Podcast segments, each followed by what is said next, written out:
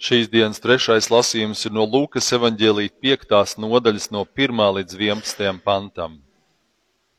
Kādu reizi ļaudis pie viņas piedās un klausījās dievu vārdus, bet viņš stāvēja pie ģeneceretas ezera.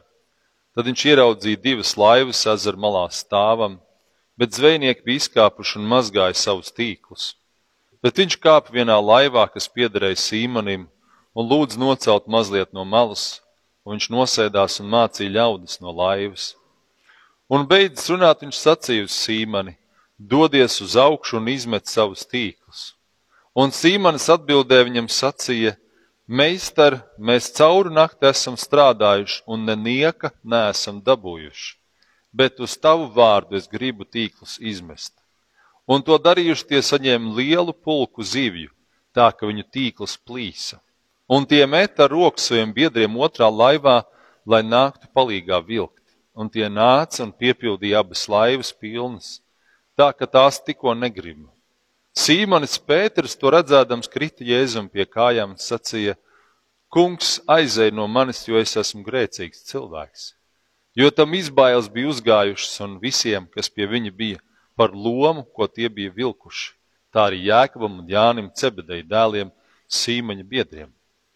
Jēzus sacīja uz Sīmani: Nebīsties, jo no šī laika tev būs cilvēks zvejot.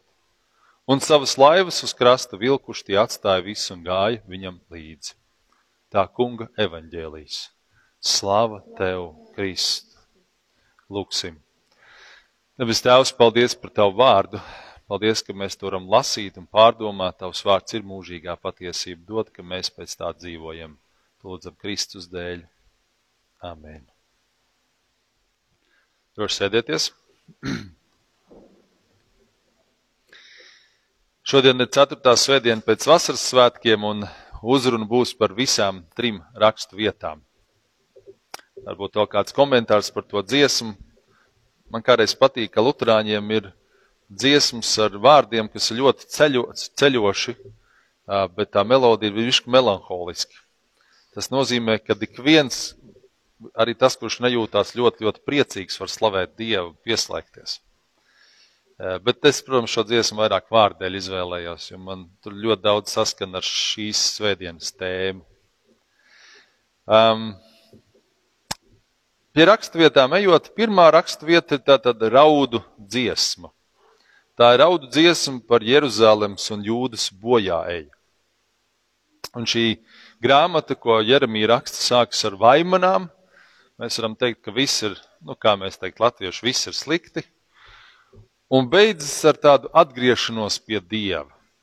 Un pa vidu mēs lasām, un tā ir tā rakstiet, ko šodien es nolasīju no trešās nodaļas, kas ir tā tradicionālā. Tur mēs lasām par to Dieva bezgalīgo žēlastību. Un man liekas, ka tas ir arī tā, kā tas ir mūsu dzīvē.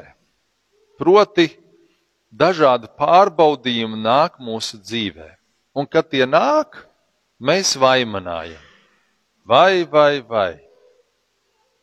Bet ja mēs ejam dziļāk, tad mēs beigās nonākam pie Dieva.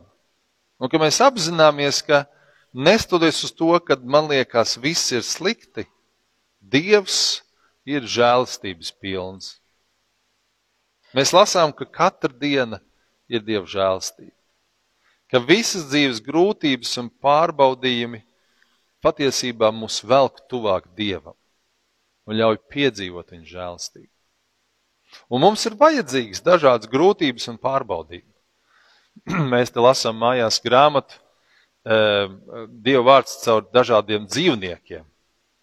Un zinātnieki ir izpētījuši, ka, ka dzīvniekiem arī smadzenes izaug tad, kad ir grūtības un izaicinājumi.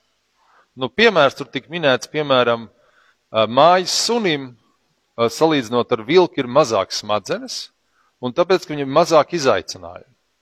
Viņš no rīta pamostās, vaf, vaf, un viņam ir ēdiens bļodiņā.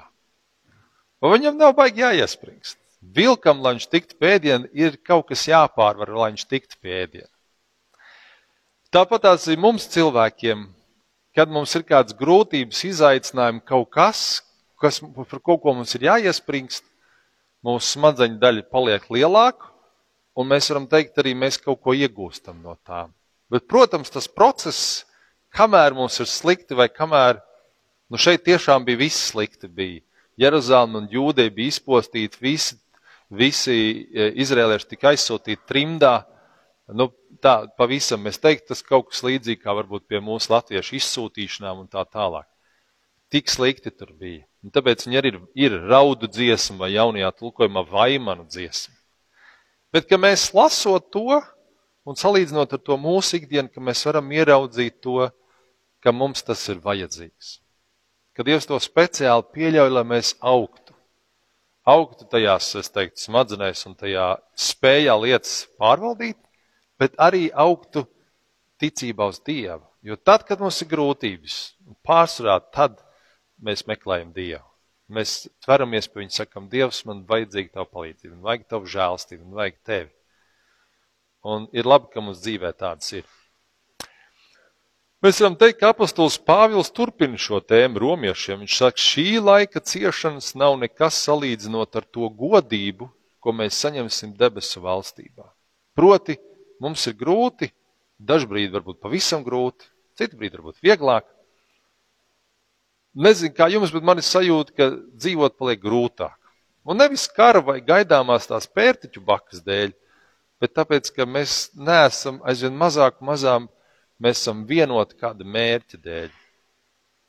Ticīgā mērķis principā ir par katru cenu tiekties uz debesu valstību, par katru cenu meklēt Dievu. Bet nevienmēr tas tā ir. Un tas dzīvi padara grūtu, vismaz man tā liekas.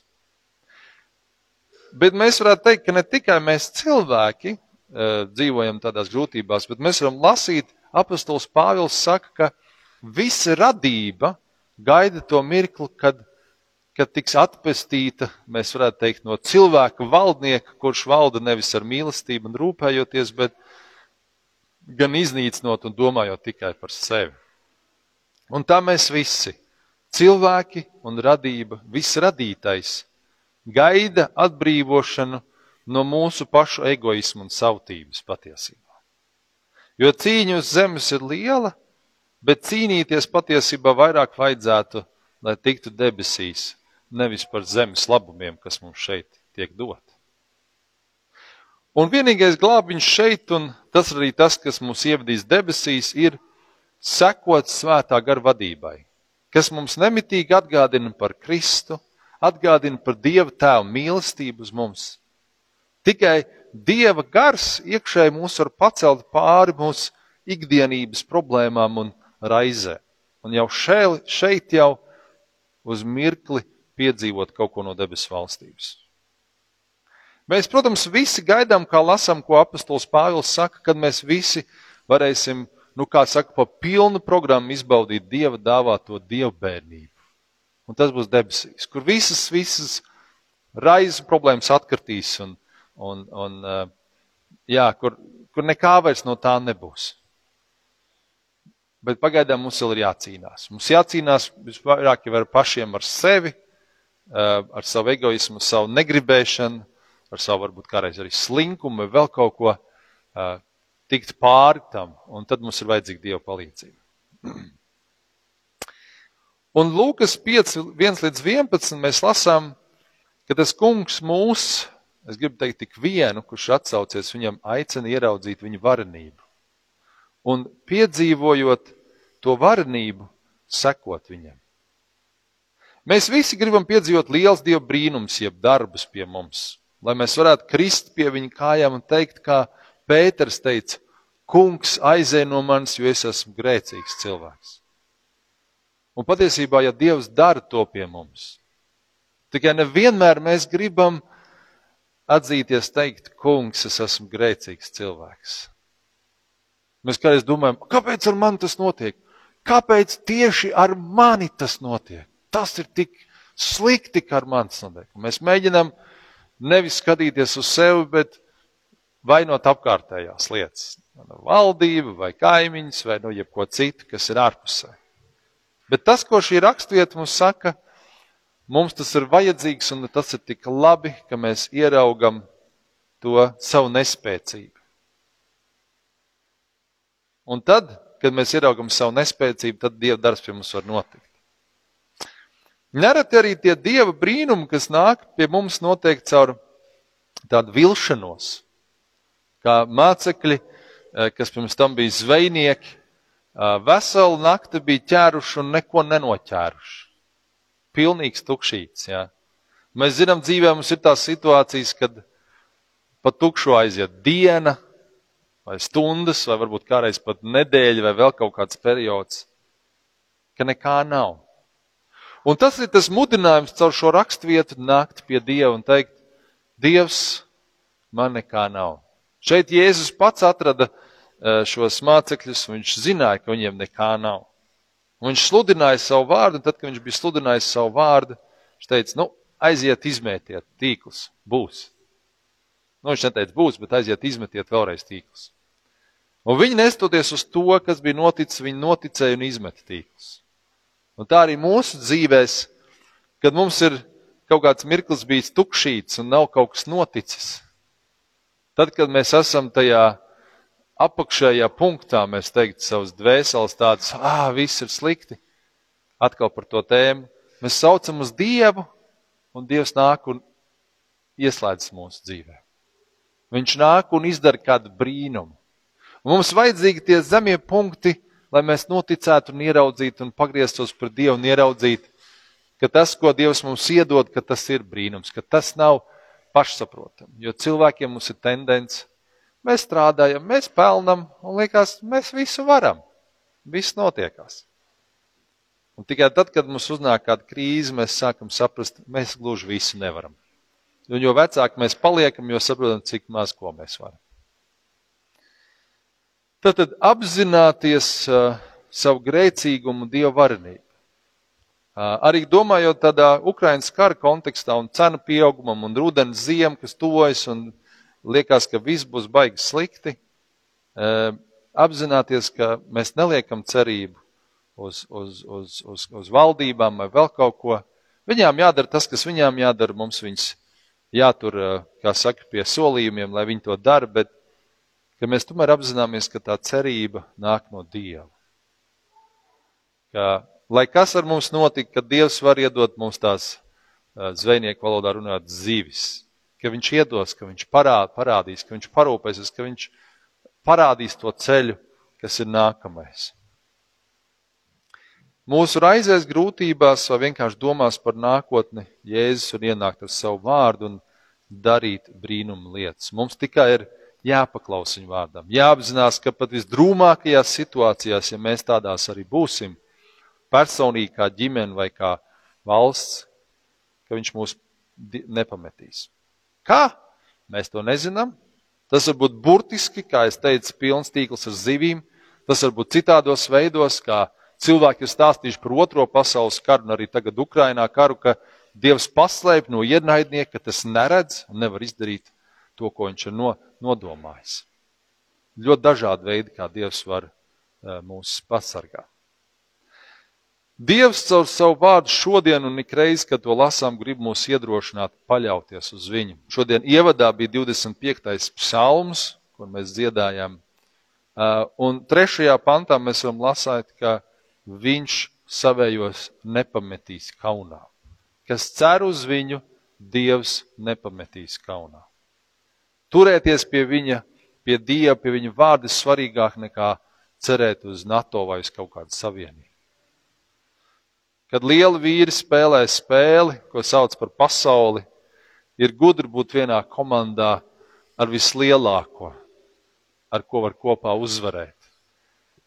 Kad mēs spēlējam galda spēles, kādreiz mēs tieši vakar vēl par to runājām, tad eh, tie, kas ir vismazākie bērni, kur nu vēl varbūt to galda spēli neizprot, nereti viņi grib būt kopā komandā ar kādu. Un parasti viņi izvēlas būt komandā ar kādu, kas varētu uzvarēt. Un tā viņš tur ir blakām, un viņam ļauj tur tās kustības veikt, un beigās, tad, kad šī komanda ir uzvarējusi, tad tas mazais var teikt, jē! Nu, tāpat mēs varam domāt par, eh, par to, kas tad uzvar pasauli. Pasauli uzvar mūsu ticība, kad mēs savienojamies ar Dievu kopā. Jo Dievs uzvar pasauli, Jēzus uzvarēja ļaunumu. Un mēs Kā mazi, kā nespēcīgi, kā kādreiz puteklīši, mēs pieķeramies pie visvarnā Dieva un sakam, Dievs, uz tevis paļaujos. Tā ir tā mūsu ticība, kas mūs izved cauri grūtībās, krīzēs un dod mums garīgi pieaugt pēc tam. Es ticu, ka mēs visi esam dažādos veidos piedzīvojuši un apzinājušies Dieva žēlstību. Un tad turēsimies pie tās. Turēsimies pie Dieva viņa žēlstības, ka tas ir labākais, pie kā turēties. Visdrošākais pamats, vislabākais garants. Dievs un viņa žēlstība ir mūžīga. Kā dievkalpojuma beigās liturģijā mēs dziedam. Es saku, pateiciet tam kungu, jo viņš ir laipnīgs un draudz atbild, un viņa žēlstība paliek mūžīgi. Aleluja! Āmen!